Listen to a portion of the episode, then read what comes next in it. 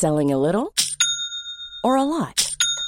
Shopify helps you do your thing however you cha-ching. Shopify is the global commerce platform that helps you sell at every stage of your business. From the launch your online shop stage to the first real life store stage, all the way to the did we just hit a million orders stage. Shopify is there to help you grow. Shopify helps you turn browsers into buyers with the internet's best converting checkout. 36% better on average compared to other leading commerce platforms because businesses that grow grow with Shopify. Get a $1 per month trial period at shopify.com/work. shopify.com/work. Introducing Wondersuite from Bluehost.com. Website creation is hard, but now with Bluehost, you can answer a few simple questions about your business and get a unique WordPress website or store right away. From there, you can customize your design, colors, and content. And Bluehost automatically helps you get found in search engines like Google and Bing. From step-by-step guidance to suggested plugins, Bluehost makes WordPress wonderful for everyone. Go to bluehost.com/wondersuite.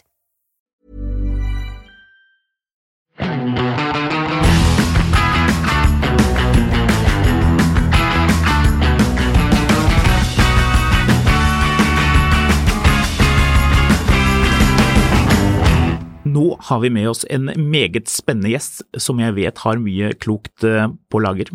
Han etablerte skoleavis på ungdomsskolen og startet eh, journalistkarrieren etter studiene i 1989, da Kåre Vallebrokk ansatte ham som eh, journalist i Dagens Næringsliv. Der dekket han luftfart og bilbransjen i mange år, nå jobber han som redaktør i bransjenettstedet bilbransje24.no. Han har for tiden en W124 og åtte andre kjøretøy på to, tre og fire hjul, men denne episoden skal handle mest om bilbransjen. Trygve Larsen, hjertelig velkommen til eh, studio. Tusen takk. Du, før vi hugger i gang med bransjen og river den litt i biter og ser hva som er inni, så tenkte jeg vi skulle begynne litt mykt og behagelig med din 124. Ja, det er en bil jeg har hatt i mer enn 20 år. Eh, Den er eh, bevaringsverdig.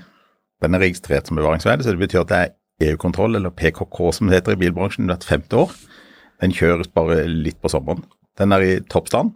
Har alt utstyr og eh, sekssylindret motor. Og i det hele tatt det man hva skal vi si, i nabolaget mitt Jeg er oppvokst på Sørlandet, men jeg er født i Bergen. Men det man i nabolaget mitt på Sørlandet innenlands vil jeg kalle en gild vogn. Ja, den er gild. Kjørte du den hit, eller? Nei. I dag kjører jeg Det var litt tilfeldig, men også litt sånn Jeg har som filosofi at alle kjøretøyene bør jo brukes litt. Og den som hadde stått lengst nå i garasjen, det var min kones Vespa. Oh, ja. Så i dag kjører jeg scooter. Gammel? Nei, den er ikke så gammel. Den er like etter årtusenskiftet. Den er en liten sånn fin symaskin av en firetakter, men den er i toppstand. Men lukter det italiensk når du kjører? Nei, Nei, nei, det, nei. er en, det er det etter det. Ja, det er etter det. Altså, skulle lukte italiensk, så måtte det vel vært en totakter med Ja. litt blårøyk og sånn, Ja. og det er det ikke på denne her. Deilig. Ja, det er, ja, jeg har en del sånne blårøykkjøretøyer òg. Å, det er fint. Det er den Ja. derre når du sitter eh, på en kafé, en piazza i Italia, og det suser en sånn En, en ting er den lyden, men mm. også den derre varmen som man kjenner som du ikke har i Norge fordi det blir kjølig på kvelden, nesten Ja, uansett hva slags vær vi har. Ja. Og den lukten, Mm. åh, deilig. Ja, ja.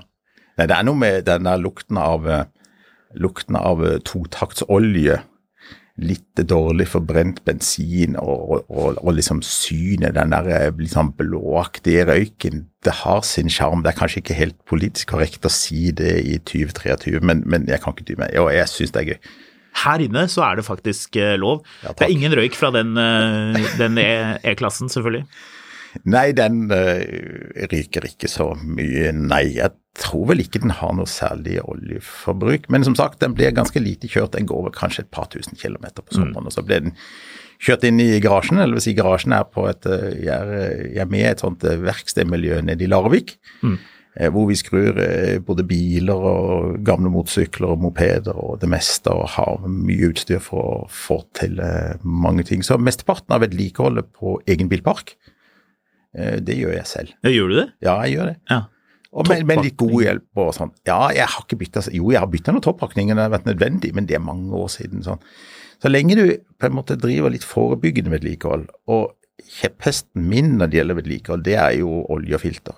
Ja. Ingen av mine firetaktsmotorer går eh, veldig mange tusen kilometer før de får ny olje og nytt filter. Og gjør du det, så har du stort sett ikke noen problemer. Da kan det jo egentlig vare evig. Ja, det kan vare lenge, og jeg er opptatt av at ting skal vare. Jeg, altså, mitt bidrag til bærekraften er på en måte å kjøpe litt færre ting, kanskje litt dyre ting hvis man har råd til det, og ta vare på dem. Altså Mm. vedlikeholde dem og, og sånn, og bruke dem fornuftig.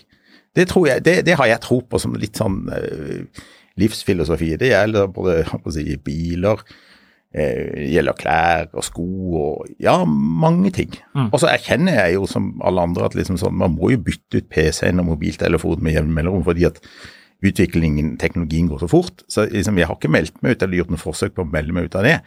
Men jeg vil heller legge noen ekstra kroner i et par gode sko som koster kanskje tre ganger så mye som noen rimelige noen, og ha dem lenge. Mm. Og, de, og den filosofien har jeg på en måte levd etter i eh, mange år. Og det gjelder også biler. Ja. Altså, ta vare på det og, og, eh, og, og, og være nøye med vedlikeholdet og kjør det fornuftig. og eh, ikke, Det er ikke noe sånn som driver og polerer hver søndag og sånt. Det, det kan godt se ut som det er brukt og har litt patina, men, men det må vedlikeholdes, det må være i orden. Ja, Mm. Rett og slett. Men parallellen til det som skjer nå, elektrifisering Ja. Mercedes i Norge dropper jo å ta inn den helt nye E-klassen. og Da er det kanskje litt sånn eh, vemodig, og muligens at den bilen du har er det derre symbolet på det gamle, den derre uforbeholdne kvaliteten med liksom hvor taktilt det er med brytere og dørlåser og eh, liksom sånn vindusheiser som går helt lydløst, til sånn som ting er nå, hvor unektelig Mercedes også er blitt eh, altså, det oppleves jo som rimeligere biler på innsiden, i hvert fall en god del av dem, i forhold. Er ikke det interessant? Jo, altså, jeg kunne snakket mye om Mercedes, jeg tror ikke vi skal gjøre det, men, jeg, men, men et par ord da.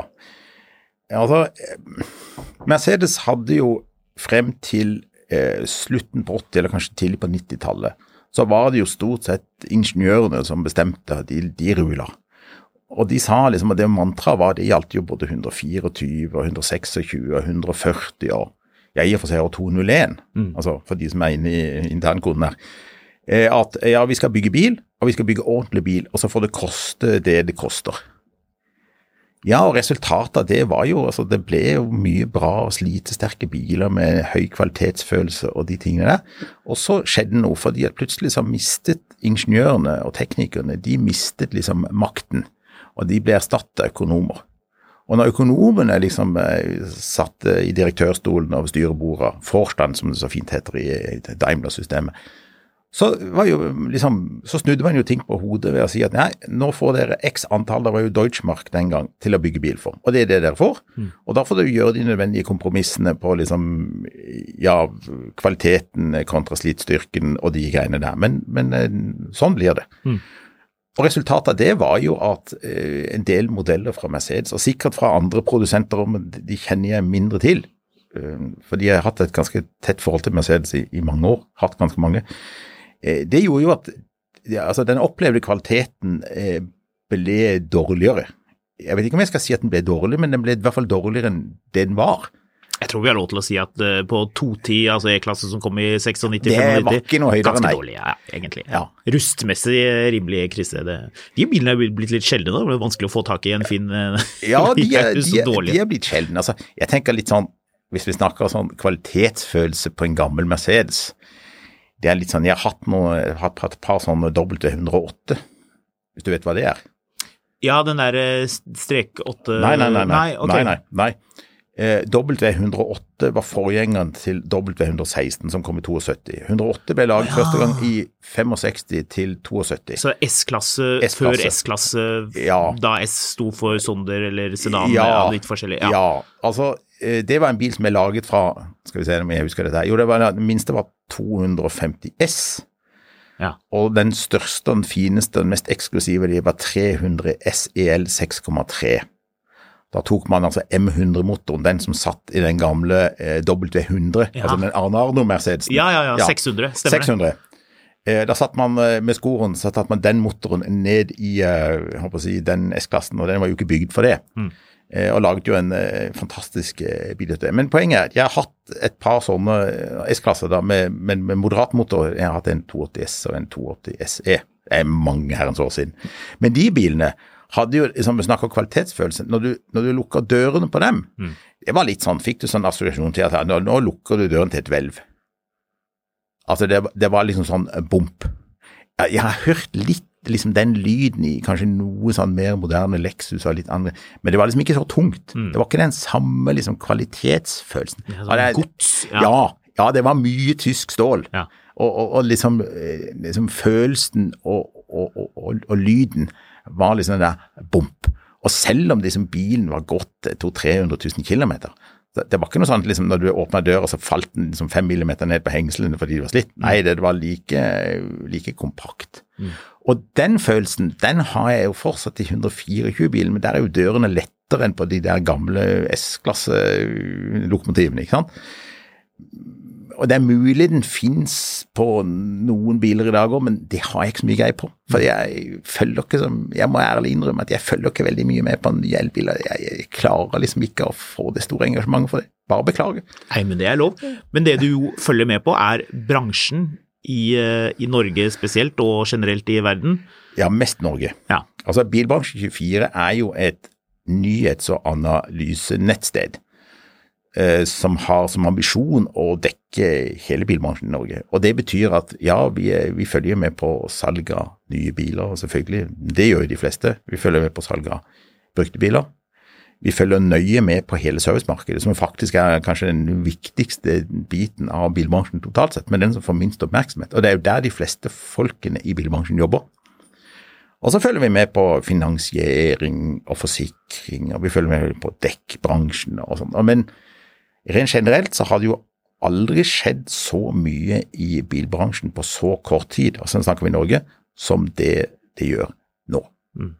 Altså, eh, ja, jeg forsøkte å, å å si, følge med på denne bransjen i drøye 30 år, men det har aldri gått så fort. Altså, Det har aldri vært så store endringer.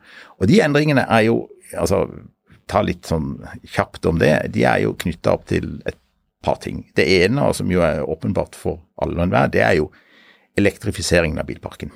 Vi i Norge har jo, det er det sikkert vært snakket om i veldig mange timer i dette studio, vi har jo hatt en, eh, en, en, en transformasjon eller en overgang til helelektriske drivlinjer som, som savner sidestykke i noe vestlig industriland. Eh, Så det er liksom den ene store eh, sveiven. Og den andre sveiven som skjer nå, som kanskje ikke konsumentene legger like mye merke til som det bransjen gjør, det er en voldsom konsolidering på eiersiden. Mm.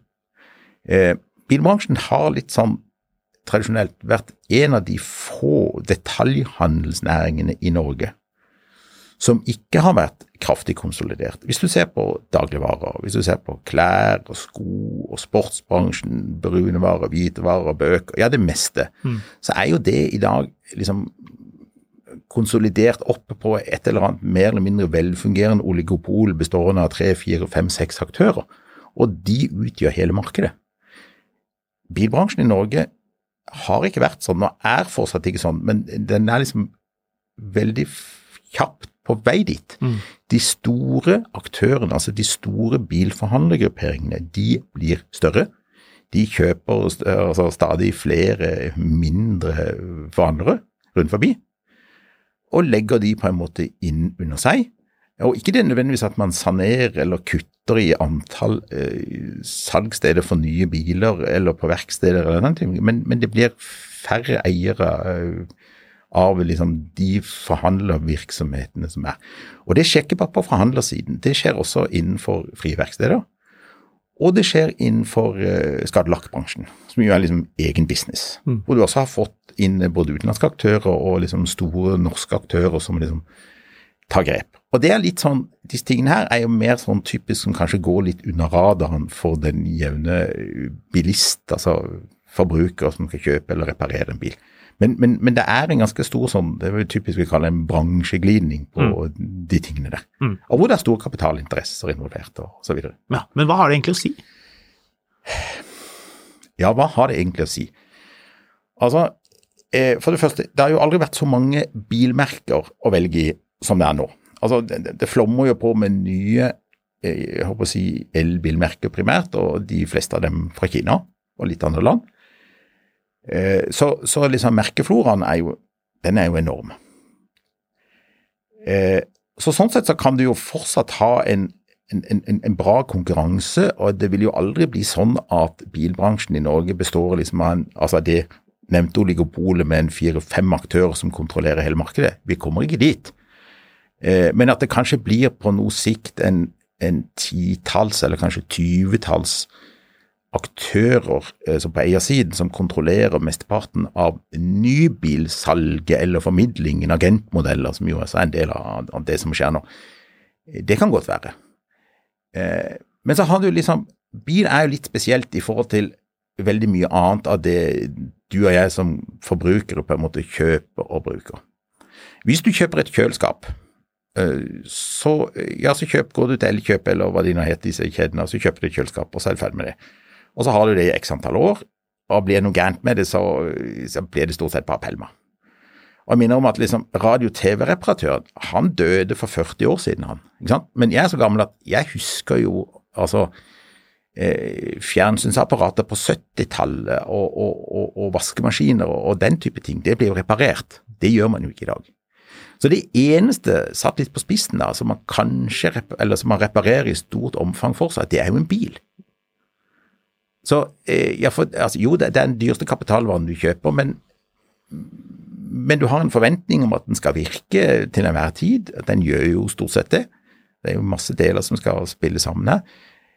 Men, men den må repareres. Den må vedlikeholdes. Og så har man også da et stort marked for organisert handel med brukte varer, altså brukte biler. Enten ved at, eh, si at du kjøper en bruktbil via en merkeforhandler, via en ren bruktbilforhandler, eller at du og jeg gjør en handel oss imellom, altså via private. Og Summen av alt dette her blir en kompleks bransje, av hvor du har konkurranseflater liksom, på veldig mange områder, og som gjør dette her til en veldig sånn spennende bransje å, å følge med på. Så er jo kapitalinteressene ganske store. Mm. Og, og, det er jo mange eksempler på mange mennesker som har tjent gode penger i eh, bilbransjen. Og da tenker jeg ikke bare på det mest åpenbare, liksom sånn import av biler, altså sånn Møller-gruppen som har tjent masse penger på det, eller salg av biler, de store bilforhandlergrupperingene, eller store bilforhandlere, altså sånn nye bruk. Men det finnes jo en underskog av bruktbilforhandlere som har tjent masse penger. Det finnes jo folk i verkstedbransjen som tjener penger som gress. Mm. Det finnes folk i gummibransjen eh, som leverer lys, og som leverer IT-systemer og sånt. Altså masse sånne ganske ukjente aktører som er ekstremt eh, lønnsomme. Og det er jo morsomt. Altså, ja, det er kjempegøy. Ja, fordi at man finner sin nisje. Og så holder man seg til den, og så sørger man for at man er eh, veldig god på akkurat den biten der. Mm. Og La meg trekke en, en parallell eh, til de greiene. Eh, det, det foregår jo nå en, en, voldsom kamp i bilbransjen om, om, om hele servicemarkedet.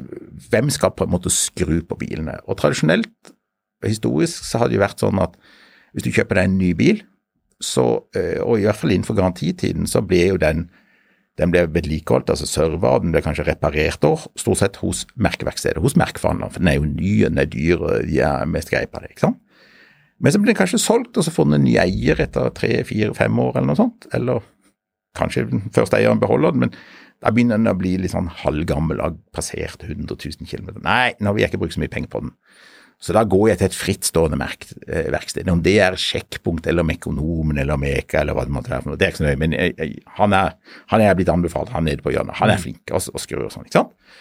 Og så har jeg service og vedlikehold og sånn på bilen min eh, hos dette verkstedet og betaler da kanskje noe eh, mindre. To tredjedeler, tredjedeler kanskje, eller? Jeg skal være veldig forsiktig med å komme med noe tall der, fordi at jeg ser jo at en god del merkeforhandlere de, de forsøker jo nå, spesielt som følge av elektrifiseringen, hvor det er mindre eh, hva skal vi si, servicemarkedsarbeid, altså mindre penger og mindre eh, å hente på servicemarkedet på helelektriske biler enn det var på fossilbiler.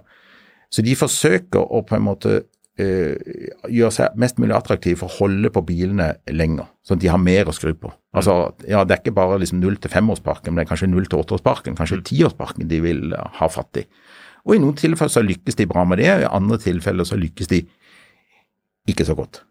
Men men, men greia er, merkeforhandlere i dag eh, snakker jo veldig mye om ja, vi skal bli flinke til å selge dekk, og vi skal bli flinke til å drive med glass. Og, ja, vi skal liksom gjøre det meste. Og så er jo faktum det at jeg har veldig sånn, jeg trekker litt sånn paralleller til, til sånne idrettsutøvere som driver med sånn tikamp og sånt.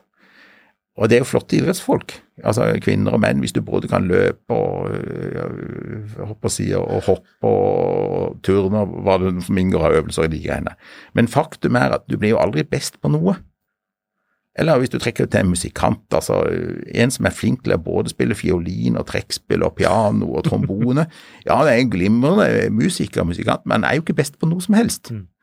Og liksom, Hvis du da trekker det liksom litt tilbake til bilbransjen Hvis du bare driver med glass, hvis du bare driver med dekk, så er jo sjansen for at du blir best på det, mm. eller bedre enn alle de andre som skal drive med så mye annet ved siden av, veldig stor. Mm. Og Derfor så ser du jo liksom, og de har jo alltid vært der, altså liksom disse nisjeaktørene eller disse spesialistene som bare driver med én greie. Hvis du bare driver med bilpleie, som forresten er nå blitt mye mer stuerent og blitt eget sånn fag og, og så, mm. veldig bra, det er klart, da blir du veldig god på det. Og du blir sannsynligvis bedre på det enn hvis du skal drive med alt mulig annet eh, ved siden av. Et eksempel på det er jo at merkeforhandlere de sier jo det stadig vekk. Ja, eh, vi skal ta tilbake glass, altså eh, ruter. Det brydde de seg ikke om for 10-15 år siden, for det er så mye annet å gjøre. så liksom, Nei, det kan noen andre drive og surre med. I dag er det jo mange i merke... å si, bransjen, altså blant merkeforhandlerne, som forsøker å ta tilbake ruter. Noen lykkes hvis du er stor nok, og hvis du har volum nok. For faktum er at hvis du er merkeforhandler og skal drive med glass, så kan du ikke tillate deg å bruke noe mer tid på det enn eh, Hurtigruta eller RIS, altså disse glasskjedene. Fordi at tid er penger. Og da må du være minst like effektiv som det. Eh, vi hadde en sak her eh, senest i forrige uke som, hvor, hvor sjefen for Hurtigruta fortalte meg at ja, for noen år siden så trodde jeg kanskje, basert på det de sa og den utviklingen så, at kanskje når det kommer litt lenger frem i tid, så har merkeforhandlerne halvparten av det ruteskiftmarkedet. Og det er mange penger, altså. Mm. Og det er fryktelig mange ruter. Både altså, reparasjoner og bytte. I fjor var det vel 273 000 ruter. Mm. Det er mange milliarder. Og så sa han, men det tror jeg ikke på lenger, sa han. For det jeg ser nå, ja, de har prøvd seg, men så, så blir det for lite glassmiljø selv om du er en stor merkeforhandler, og så slutter den eller de som har holdt på med det, kanskje går til oss eller til en av våre konkurrenter, sånn. og så ringer merkeforhandleren og spør om ikke vi kan eh, gjøre en avtale igjen, at liksom når de skal ha et grunnskift, så kommer de til oss. Mm. Eh, og det trenger ikke være noe fallitt for merkeforhandleren, det, men jeg bare ser at det er vanskelig å være god på alt. Mm. Ja. Men de vil gjøre det fordi man, man, vil ha så mye av den eh, eh, Så mye av verdikjeden som ja, mulig, ja. ja. Så både horisontalt og vertikalt vil man på en måte ta ting som man ellers ikke har vært så interessert i. Men det er jo, det er jo en grunn til at dette skjer nå. At, man, at, at selve bilimport og salg på gulvet det er jo fremdeles viktig, men at man sier at man trenger flere ben å stå på? Ja, altså hvis vi legger importen til side, som er litt sånn eh, litt annen business, eh, og hvis vi snakker om, hvis vi snakker om salg av biler hos forhandler, altså salg av nye biler, så ser man jo at eh, marginene gjennomgående på salg av nye biler er på vei ned. Og så er det jo en del produsenter nå som snakker om denne agentmodellen. Mm. Jeg vet ikke om du kjenner til det eller har hørt om begrepet. Kort fortalt så betyr jo det at i fremtiden så er det jo da produsenten som skal selge bilen, i den grad den skal selges og ikke leases ut eller noe annet, men skal selges, som skal selges da til, direkte til deg og meg som sluttkunder. Og så blir fra handleren blir utelukkende en mellommann som får en slags formidlingsprovisjon og handlingprovisjon. Oppsiden i det, eller den potensielle oppsiden i det for forhandleren, er at ja, i fremtiden så har ikke han eller hun noen kostnader knytta opp til å ha biler i utstilling eller demobiler og de greiene der. Eh, det tas da av produsenten. Eh, nedsiden, eller den potensielle nedsiden, er jo at marginene knytta til de greiene, selv om du har liksom blitt kvitt en del kostnader, Eh, så er eh, marginen allikevel ikke høy nok til å hva skal vi si, oppveie eh, det du tapte på den tradisjonelle marginen. Og så prøver jo da bilprodusentene å på en måte i større grad, det gjør de jo på mange områder, å liksom mer eie kunden. Mm. Og det er en kjempeinteressant problemstilling som vi kunne snakket om i 14 dager. For det der å eie kunden, eh, det medfører jo en, en, en, masse hva skal vi si, utfordringer for, for de eh, involverte. For det første, det vil aldri gå av moten å drive med god, gammeldags uh, kundeservice. Se folk inn i øynene og ta telefonen, og gi kunden forståelsen av ja, du har et problem med bilen, men jeg er her for å hjelpe deg. og og kunden får følelsen av at jeg oppriktig er interessert i å hjelpe vedkommende med det problemet man måtte ha. Den greia der blir kanskje flytta litt lenger vekk eh, hvis det er produsentene som skal stå for liksom, eh, salg og, og, og, og, eh, og si, eie kunden.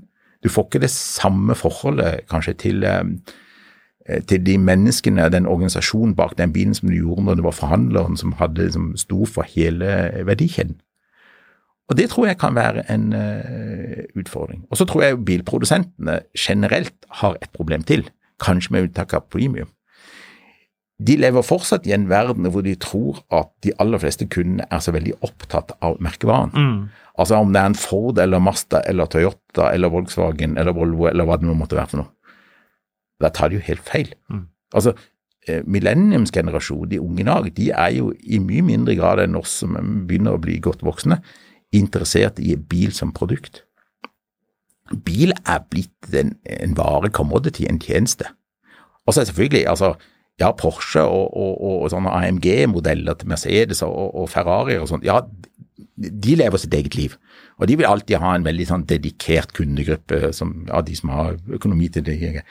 Men en sånn vanlig sånn brød-smørbil, mm. nei. Og du mm. ser jo det altså, generelt på det meste, da. Eh, den moderne forbruker er jo mye mindre lojal mot det meste av tilbydere av ulike varer, og kanskje også tjenester.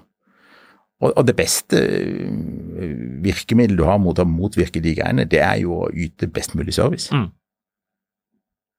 Så um, jeg tror ikke det der er så enkelt som, som en del vil ha det til.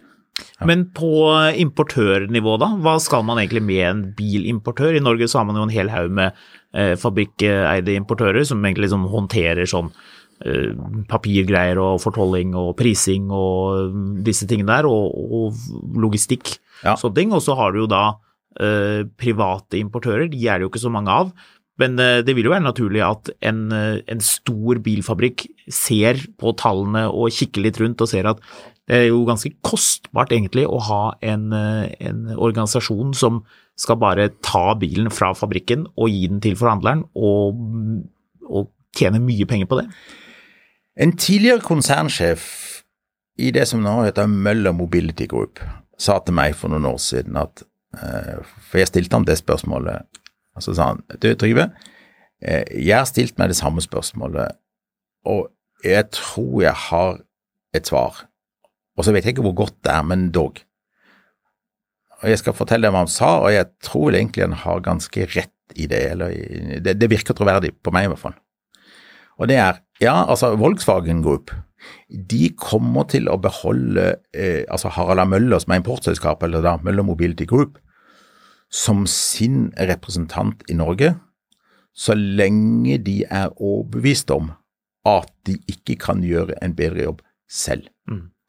Den dagen de er overbevist om det, eller at det kommer en eller annen sånn prinsipiell beslutning blant Volkswagens aksjonærer og eiere, og så da snakker vi de store, om at nei, i alt som snakker om alt som heter bilimport, eh, altså nasjonale salgskontor som tross alt er, eh, det skal vi eie selv. Ja, da er det jo over ut for Harald A. Møller og for Møller Mobility Group. Men enn så lenge så har på en måte ikke den dagen kommet. Mm. Og, og, og, det er jo et faktum at, at Møller-familien og, og, organisasjonen har gjort en formidabel jobb med, med, med Volkswagen-konsernets biler i Norge, liksom på alle nivåer. Og som sagt, det er jo den beste garantien for at de får eh, beholde det. Hvis vi snakker bilimport generelt, så er det jo sånn at ja, mange har stilt spørsmål med er det et unødvendig mellomledd mellom på en måte produsenten og eieren eller konsumenten, eh, så lenge du på en måte har forhandleren som styrer med. Eh, og til det vil jeg si at ja, jeg tror det er det til et visst nivå. Fordi man har en del funksjoner. Du nevnte det selv, litt knyttet opp til logistikk, litt knyttet opp til teknisk kompetanse og til eh, altså noen juridiske spørsmål som gjør at det er vanskelig å komme utenom et eller annet nasjonalt salgskontor. Men om det bør bestå av to eller 200 mennesker, ja det er en helt annen diskusjon. Mm. Så det kan godt tenkes at, at eh, bilimport, sånn som vi ser det i Norge i dag, blant de privateide og sånt, eh, kanskje ser helt annerledes ut eh, noen år frem i tid.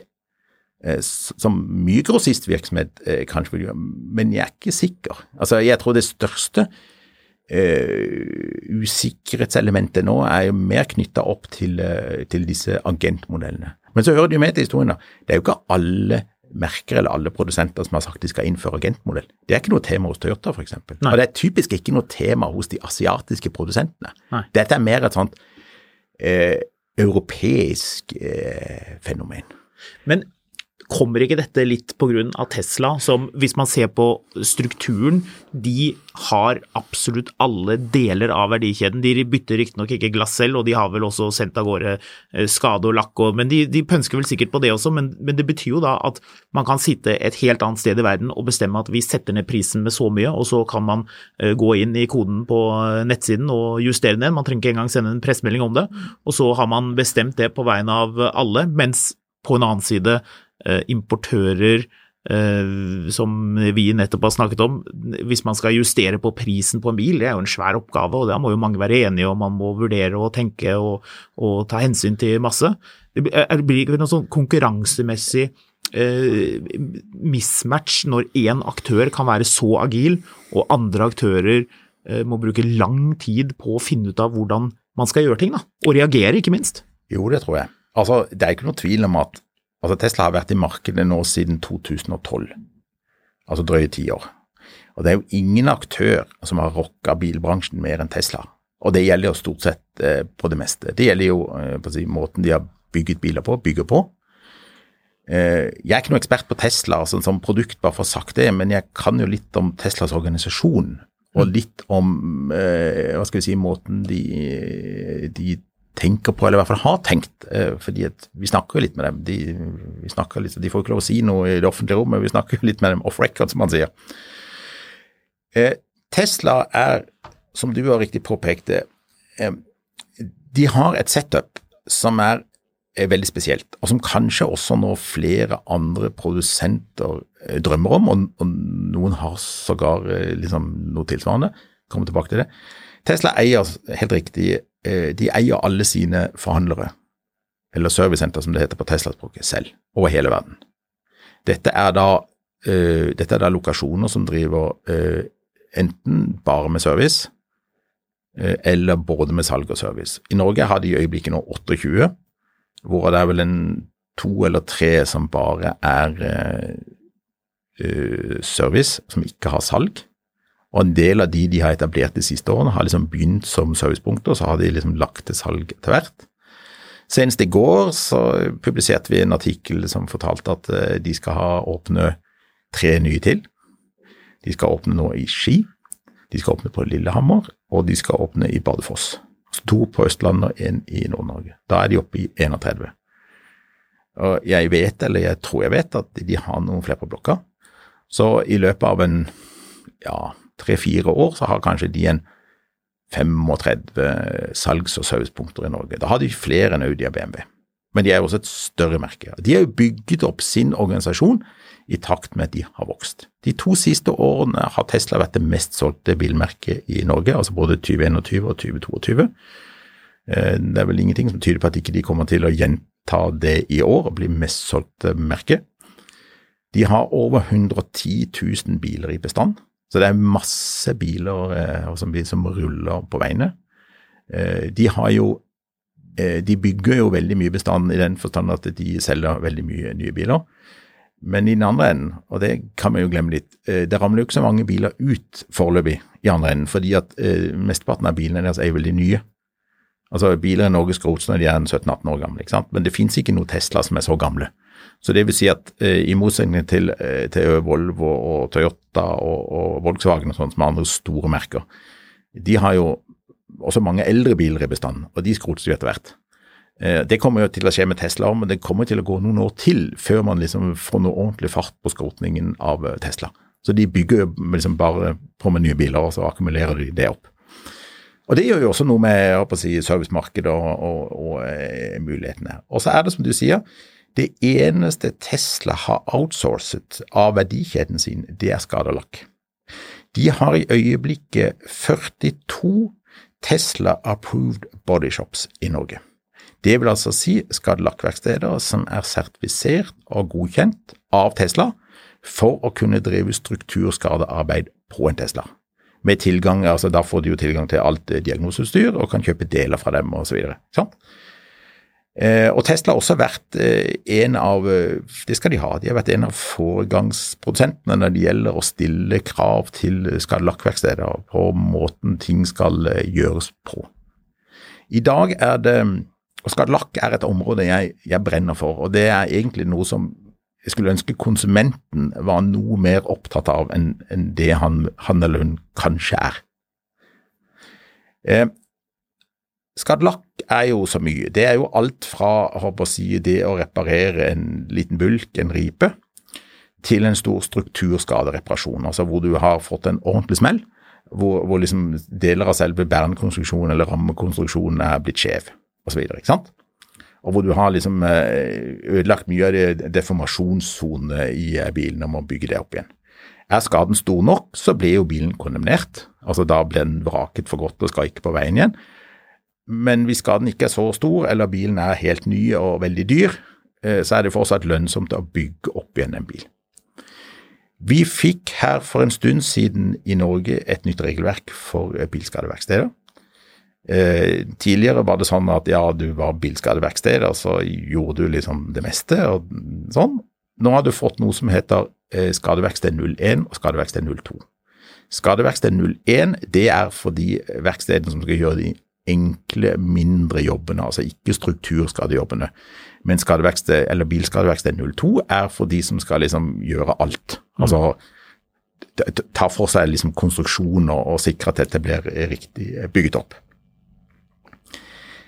Det gjør noe interessant, fordi det er alltid helt som så at du må du må eh, bygge opp bilen, eller reparere bilen, i henhold til eh, bilprodusentens spesifikasjoner, reparasjonsmanual.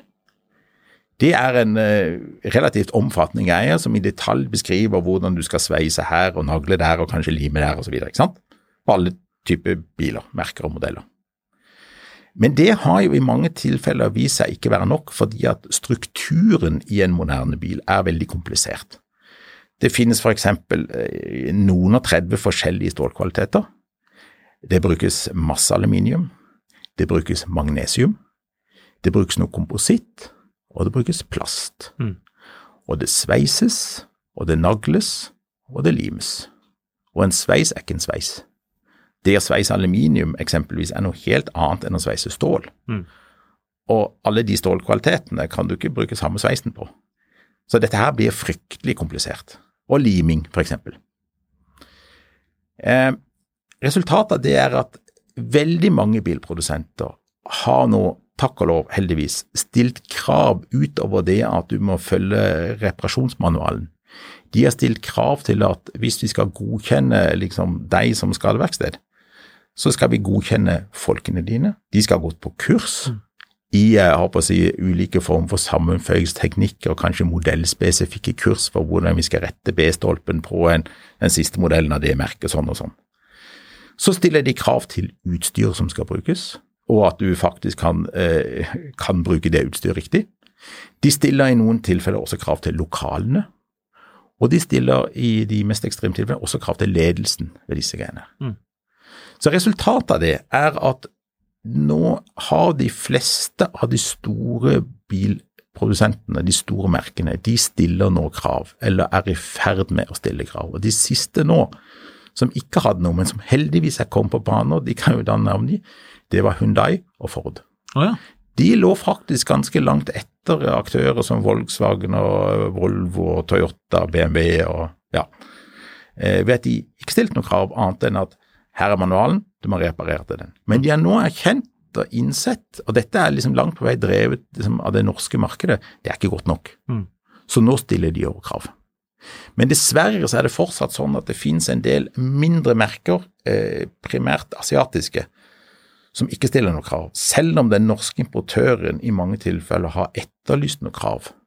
Og skal vi si, et eller annet, en eller annen prosess for å få dette her Mm. på plass. Og så hva med de nye Kina-merkene? Ja, hva med det? Ja, det kunne vi jo snakke om i 14 dager. Det har jo kommet en hel haug Kina-merker. Mm. Foreløpig med kanskje et unntak, med unntak av MG, så har jo ikke Kina-merkene tatt av. Og når jeg sier det, så ligger det et forbehold. Vi hadde en diskusjon internt hos oss eh, på de tingene der, og endte med at vi har ikke definert Polestar som, en, som et kinesisk merke. Ok. Eh, vi hadde noen diskusjoner internt på det. Noen mener kanskje at det bør være, eller at det er et kinesisk, andre mener det er svensk. Eh, vi har falt ned på at det er et svensk bilmerke, selv om produksjonen er i Kina. Men liksom design og utvikling og teknologi og alt det foregår i, i Sverige. Så derfor så har vi ja, endt på det. Og du vil ikke heller si at, at Volvo er et kinesisk merke, selv om det er Geely. Nei, jeg, nei, så Nei. kanskje det er en annen sånn grå Ja. strek mellom Volvo og, og Ja, Polestar der, muligens. Ja. Ja. Altså, det det, er sikkert en diskusjon som, som det er vanskelig å, å, å bli ferdig med og sette to streker under svaret på. Men, men uansett, eh, hvis vi da, sånn som i vårt tilfelle, vi har ikke definert eh, Polestar som en, som en Kina-bil, eh, men MG er det.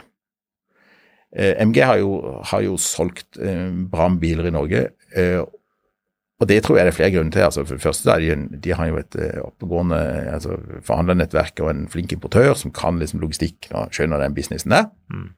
Og så har de vært rimelige biler. Så I mange tilfeller så har det inntil markedet stoppa opp, så har jo det for mange mennesker vært et høyst reelt alternativ til å kjøpe seg en nyere bruktbil. Altså hvis du kan kjøpe en sånn her MG Marvel R eller hva det heter for noe, jeg er ikke så god på disse modellbetegnelsene, for en 230 40 50 000 kroner, eller godt under 300, så er det for mange et relevant alternativ. Selv om kanskje ikke det er de bilene med den lengste rekkevidden, men nei, i det daglige så er det liksom, det er godt nok. Og så ser det helt ok ut. Og så er det nå kommet da fryktelig mange kinesiske merker til Norge, og flere kommer, og mange sier på Norge som liksom ja, vi, Når vi skal først skal inn i Europa, skal vi først inn i Norge, for det er liksom blitt et modent elbilland. Og så har det jo inntil ganske nylig liksom ikke vært noe moms og ikke noe avgifter og alle de greiene. Selv om det er kommet litt sånn, så ser man fortsatt på Norge som, som er interessant, og det har jo avstedkommet en haug med, med merker inn. Eh, min innvending mot en del av disse nye kinesiske merkene, eh, det er egentlig Ja, jeg tror jeg nesten bruker uttrykket det er mange. Eh, Jeg sier ikke at pilene er dårlige, for det tror jeg ikke det er. Men jeg er litt skeptisk til hvor fort det går, fordi at ja da, det viktigste er på en måte å komme i gang og selge biler. Og så er apparatet rundt eh, det, altså hele servicemarkedet og hele logistikksystemene er mangelfulle. Eh, Jeg vet jo om eh, kinesiske merker, jeg skal ikke nevne det navnet, henge ut noen her nå, men, men folk er jo fortvilet, bilutleieselskaper er jo dypt fortvilet, for de får jo ikke fatt i deler til dem. Mm. Så de er blitt stående på verkstedene eller på en parkeringsplass uvirksomme i mange måneder. Det hadde jo aldri skjedd med en Ford eller en Volvo eller en BMW. Det er ikke bra. Eh, De kinesiske produsentene stiller heller i liten, også i liten grad krav til eh, hva skal vi si, sertifisering av sine skadeverksteder. Og de har knapt en reparasjonsmanual. Noen av dem har faktisk ikke, eller de har ikke tilgjengeliggjort noen. Det er ikke spesielt tillitvekkende. Nei. Nei.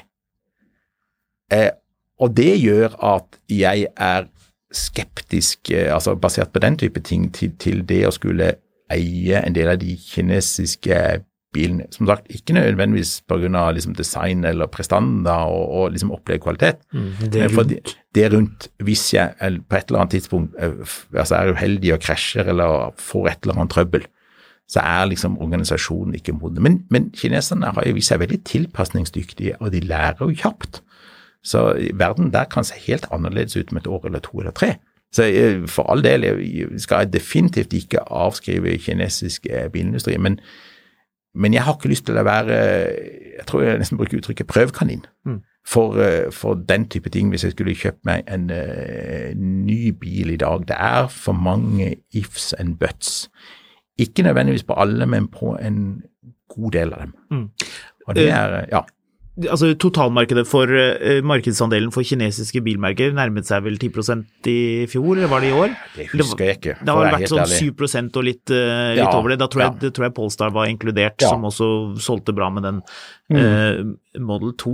Mm. Men, men, nå ser det ut til at det går, går nedover, da. At det, det, blir ikke registrert alle de bilene man kanskje trodde at skulle bli registrert. En ting er jo MG som selger rimeligere biler, men tror du at, at litt av den skepsisen som en del i bilbransjen har, at, eh, at det kommer litt ut i, i forbrukeratferd til, til, kundene. At man liksom ser at nå som det er vanskeligere tider, høyere rente, man er mer trygg i en ny Volvo som koster det samme, eller kanskje til og med mindre, litt avhengig av egenskaper, og at det er et uh, mer safe valg nå fremover enn de kinesiske?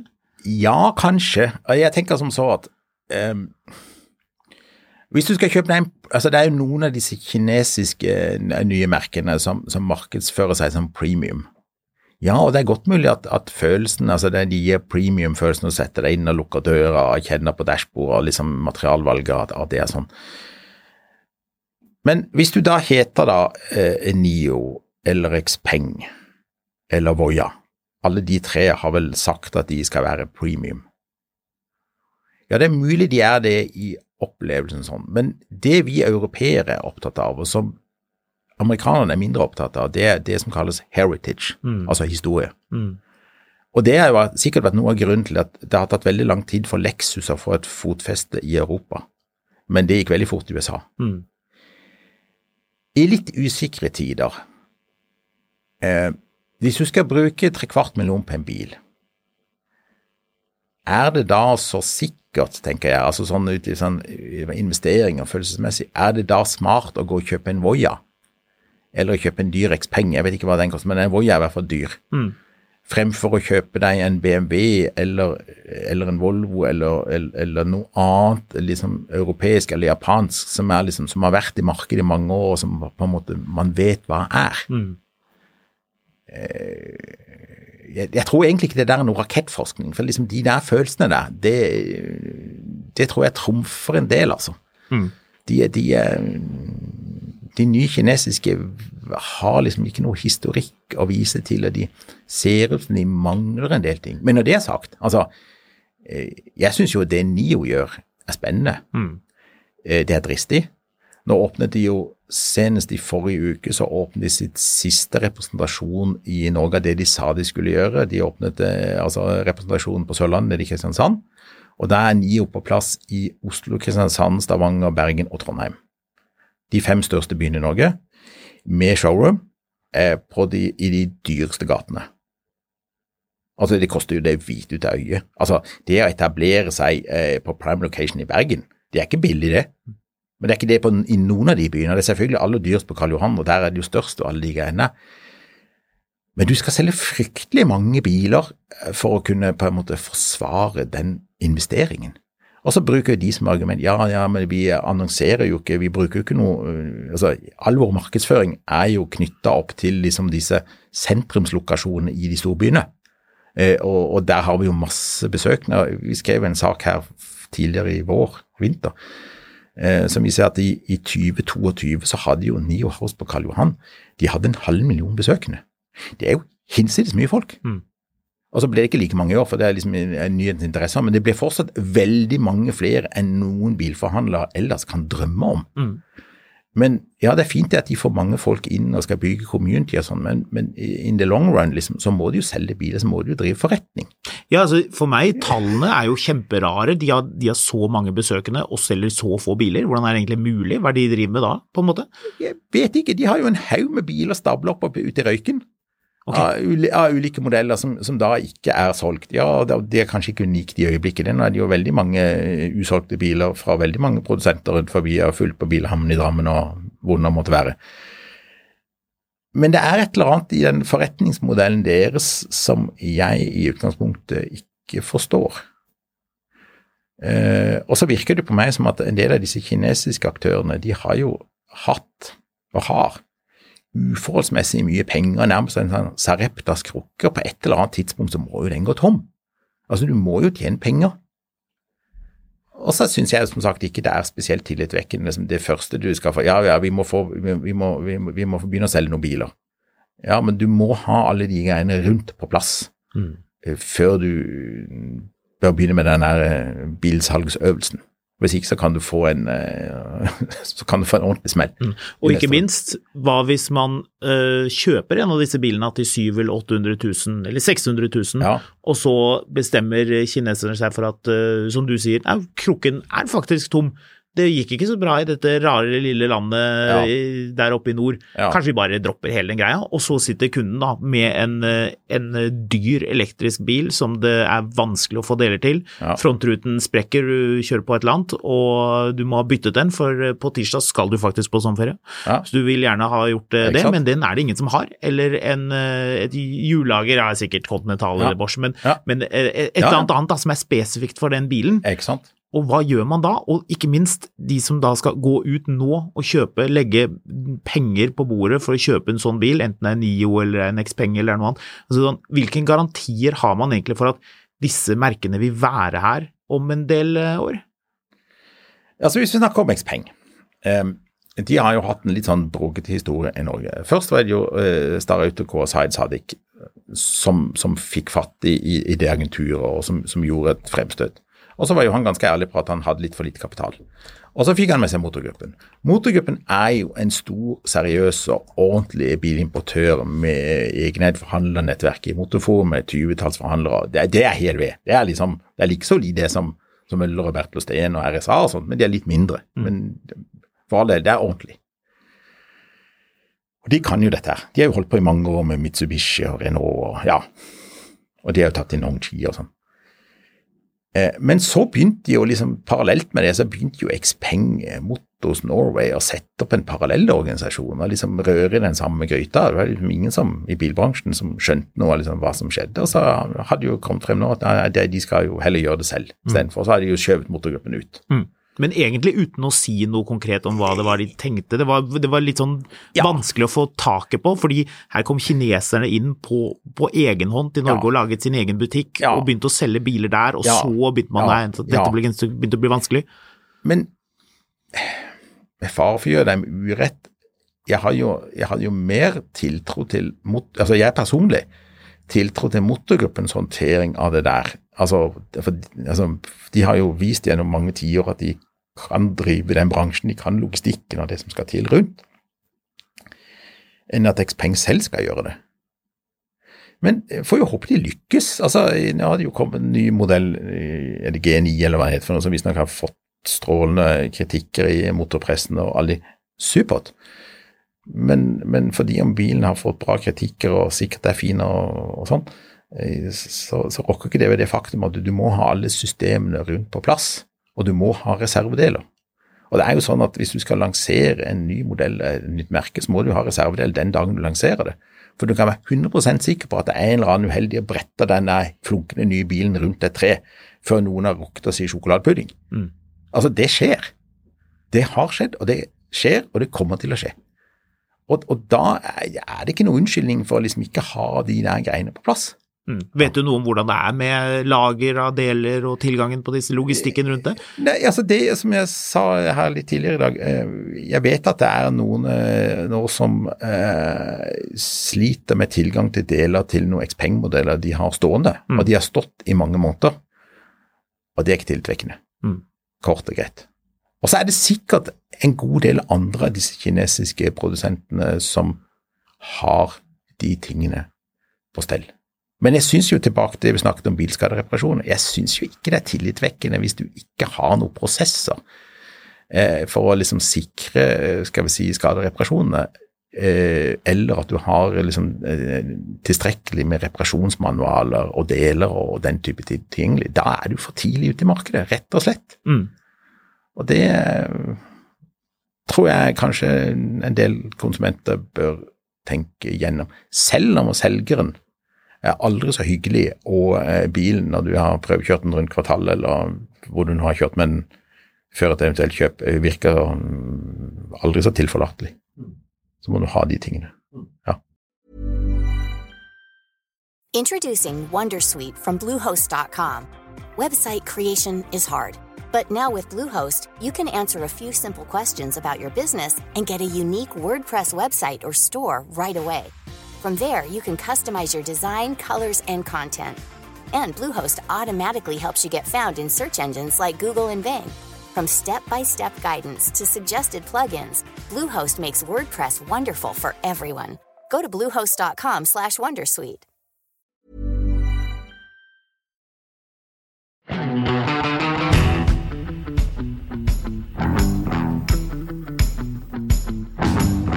Men ok, hva tror du om bilmarkedet fremover? Marius og jeg har jo diskutert eh, mye hva, som, eh, hva vi tror kommer til å skje, men eh, hva tenker du? Jeg tror at det du ser i øyeblikket nå, registreringene er jo ikke så hakkende gærne. Men faktum er jo at veldig mye av de nyregistreringene som har skjedd så langt i år, det er biler som nå ble levert ut, hvor kontraktene ble tegnet i fjor, eller kanskje sågar enda tidligere. Mm. Altså, nå spiser bilbransjen av ordrereserven sin. Det som gir mer grunn til bekymring, er jo kontraktsinngangen på nye biler i år, altså ikke ordrereserven. Den ser for meg ut til å ligge på nå, basert på samtaler med en del forhandlere rundt forbi, både store og små, til å ligge på mellom 20 og 30% av det de betegner som et normalår. Ja. Hittil i år. Altså fra januar og, og, og frem til nå. Ja. Og så er det heldigvis noen av dem som sier at de ser eh, noen små tegn til bedring, at det er i ferd med å ta seg opp. Men jeg tror, og jeg understreker tror, for det er jo ingen som har noen sånn absolutt svar på de greiene der. Så lenge vi har en så vidt høy prisvekst Alle har jo erfart at både mat og ikke minst strøm, energi og bensin og diesel og sånt er jo blitt eh, rekorddyrt. Pluss det faktum at renten nå den kommer jo fra ekstremt lavt nivå, altså fra et nullnivå. Nå begynner å liksom komme på et normalnivå, hva det måtte være. Men vi er fortsatt ikke over toppen. Eh, nå sa NHO i går at man kanskje ser at rentetoppen nås en gang på høsten, og da har vi en styringsrente på kanskje 4% og så vil det gå gradvis ned etter det, og så vil man få bukt med inflasjonen. Eh, når vi er over rentetoppen, så tror jeg det kommer til å skje noe. Men før det så tror jeg veldig mange mennesker nå er veldig forsiktige med å pådra seg noe mer økonomiske forpliktelser i den forstand at de skal lånefinansiere en uh, ny bil. Mm. Og så har du denne utlånsforskriften som jo nå trer i kraft nå i disse dager, hvor man skjerper inn kravene og sånn. Men, men, generelt så tror jeg nok at Eh, rentenivå er en eh, Og det at man har et stigende rentenivå og ikke helt vet hvor det ender, er en showstopper for mange. Men så hørte jeg en annen greie her eh, forleden. Og det gikk på Jeg snakker jo med, sagt, med veldig mange aktører rundt om i hele landet, både store og små, men jeg snakket med et, med et mindre frittstående sånn kjedeverksted. Og han, eieren og driveren det, som jeg kjenner ganske godt etter hvert, han fortalte meg noe veldig interessant. Han sa at i midten av april så skjedde det noe. Vanligvis er det sånn hos meg og sikkert mange andre sånne verksteder at eh, før eller etter en PKK, eller EU-kontroll som folk flest kaller det, så er det mange som eier en eldre bil, altså en ti år gammel, ti pluss. Og de er det mange av. Snittbilen i Norge er jo ti år. Eh, de er villige til å kanskje bruke 10 000 kroner eller noe der omkring på å sette i stand bilen eh, før de skal på EU-kontroll, hvis de vet det er noe gærent. Eller så har de fått en mangellapp eller en liste, smørbrødliste på EU-kontrollen som sier at det må gjøres sånn og sånn og sånn for å få den EU-godkjent. Og det er typisk sånn 10 000 kroner. Det har liksom vært greit for de fleste. Så har vi sikra den nære bruktbilen ytterligere to år på veien til neste kontroll. Det som har skjedd nå, sånn, nå er det veldig mange av mine kunder som er villig til å bruke både 20 og 25 og kanskje helt opp i 30 000 for å sikre videre liv for denne brukte bilen sin. Og det der har vi også fått bekreftet av uh, noen av de uh, frittstående og større uh, delegrossistene i Norge, de som selger slitedeler. Mm. en av dem sa til meg at han trodde tidligere i år at det kom til å bli et flatt marked i år. Nå tror han, for han bekrefter det denne verkstedeieren sa, at det skjedde noe i midten av april. Nå tror han på all time high for omsetningen. Ja. Det er et enormt eh, etterspørsel nå etter alle mulige slitedeler. Sånn typisk sånn endeledder, bremseklosser og skiver og kalipper og fjærer og alle de der greiene som typisk ryker på, eller sånn som er defekt eller utslitt på, på, på litt eldre biler. De skal ha EU-kontroll. Jeg har også hørt at det er lang tid på venteliste på verksteder om dagen, i hvert fall rundt omkring her.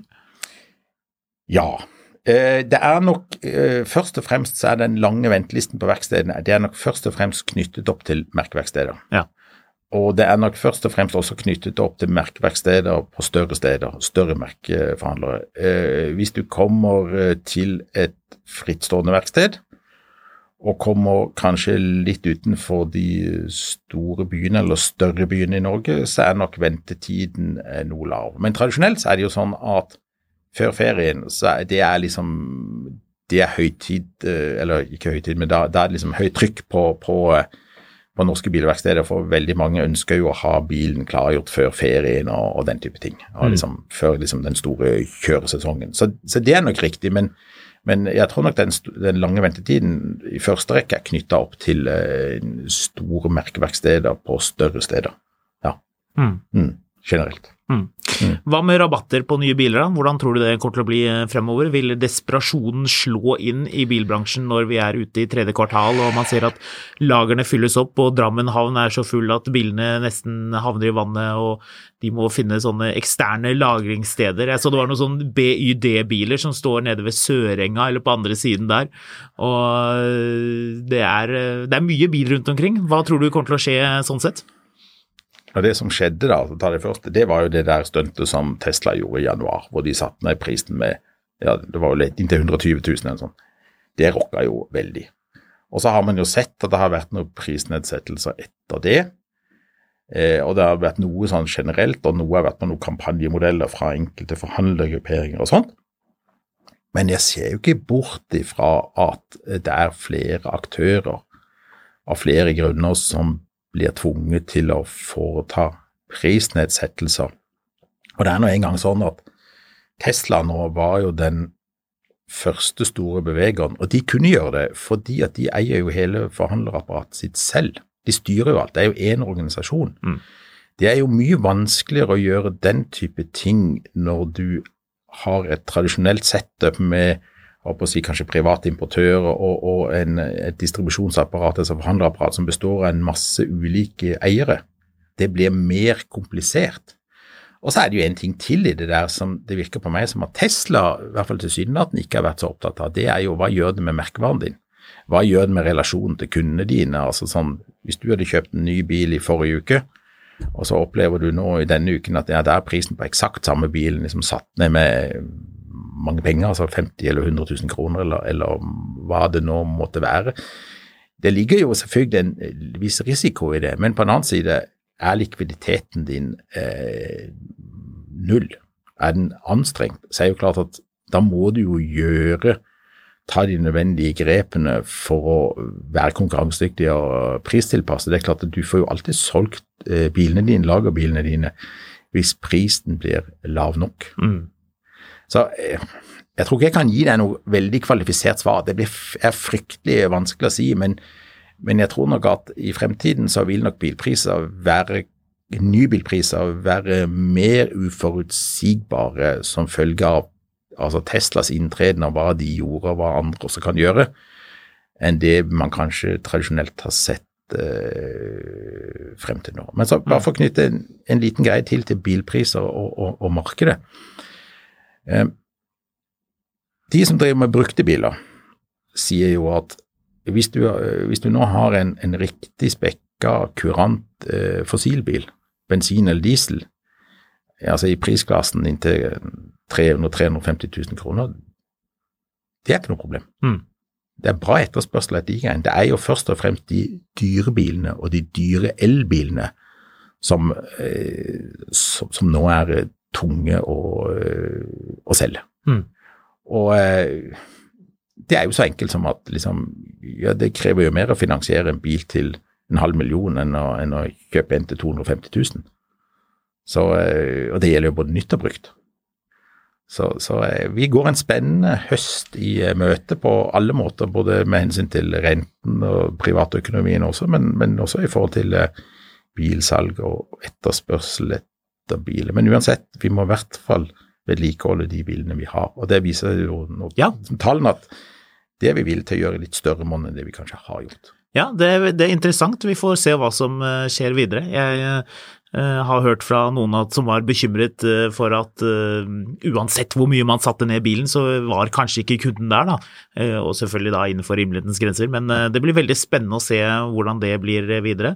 Trygve Larsen, tusen hjertelig takk for at du ville komme i studio og prate om disse tingene. Jeg tror det er mange som liker å få en sånn type innsikt når man skrur på Mil etter mil, en podkast om bil. Det skal jo ikke bare være sånne rufsete rangeovere, selv om det blir mer av det også, naturligvis.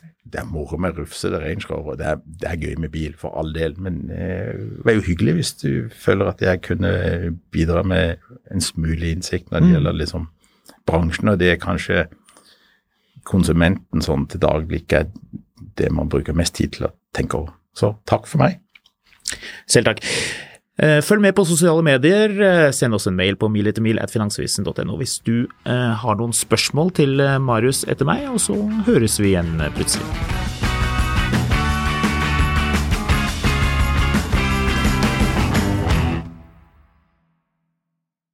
Mil etter mil, en podkast om bil, er en podkast fra Finansavisen. Programleder er Håkon Sæbø og Marius Mørk Larsen. Produsent er Lars Brenden Skram. Podkast- og videoansvarlig er Marius Mørk Larsen, og ansvarlig redaktør er Trygve Hegna.